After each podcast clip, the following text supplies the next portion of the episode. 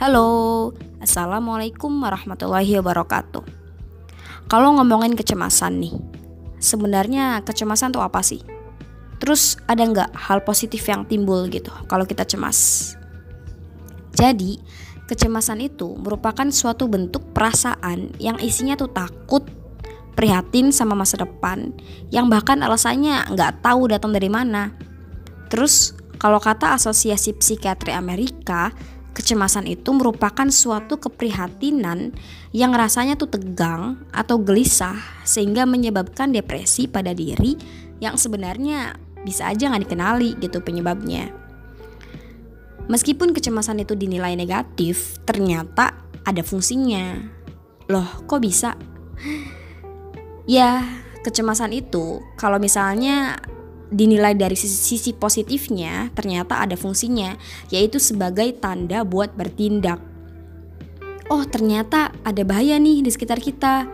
Kayak gitu. Jadi meskipun kecemasan itu nyakitin, ternyata dibutuhkan juga untuk memperingatkan orang lain atau diri sendiri deh supaya dapat ngehindar atau bahkan nolak bahaya tersebut. Ya meskipun ada resikonya, kalau misalnya bahaya tersebut nggak bisa dihindari, ya bakalan numpuk Nah, terus katanya ada banyak jenis ya bentuk kecemasan. Yap, betul banget. Kecemasan itu ada beberapa macam. Yang pertama deh, ada kecemasan realistis, yaitu suatu kecemasan yang datangnya setelah beberapa realita yang terjadi. Misalnya nih, kamu adalah seorang pengendara motor misalnya. Kalau kamu mau melintasi jalan A, kamu tuh takut, cemas, gelisah gitulah. Karena kemarin ada aja atau baru aja terjadi kejadian begal. Kecemasan ini yang masih dianggap wajar.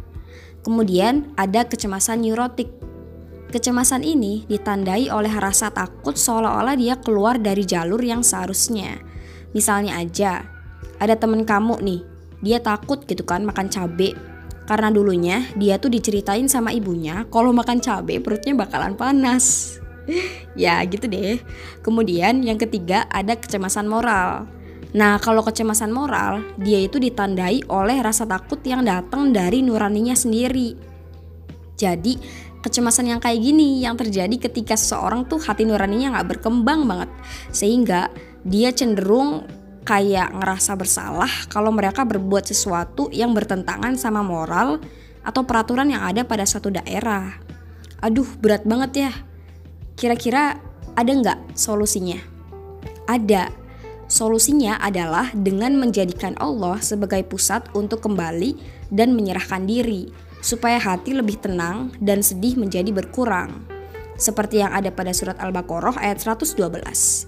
Bahkan, barang siapa yang menyerahkan wajahnya kepada Allah, sedang ia muhsin, maka baginya pahala pada sisi Tuhannya, dan tidak ada rasa takut menimpa mereka, dan tidak pula mereka bersedih. Ulama Quraisy Shihab dalam tafsir Al-Misbah menjelaskan bahwa kata wajah yang ada pada ayat tersebut adalah bagian termulia dari jasmani manusia. Di wajah itu ada mata kan, ada hidung, ada mulut atau lidah kegembiraan dan kesedihan, amarah dan rasa takut, bahkan sedih, bahkan emosi manusia yang tampak pada wajah. Wajah itu merupakan gambaran identitas lah, gambaran identitas manusia sekaligus menjadi lambang seluruh totalitasnya. Sehingga ayat ini tuh bener-bener jelas meyakinkan manusia kalau ada rasa misalnya bahkan nggak bisa dijelasin pakai kata-kata rasa apa pun ya cukup serahkan seluruhnya serahkan emosinya kepada Allah. Akhir kalimat, semoga hari ini kita semua belajar hal yang bermanfaat. Dah.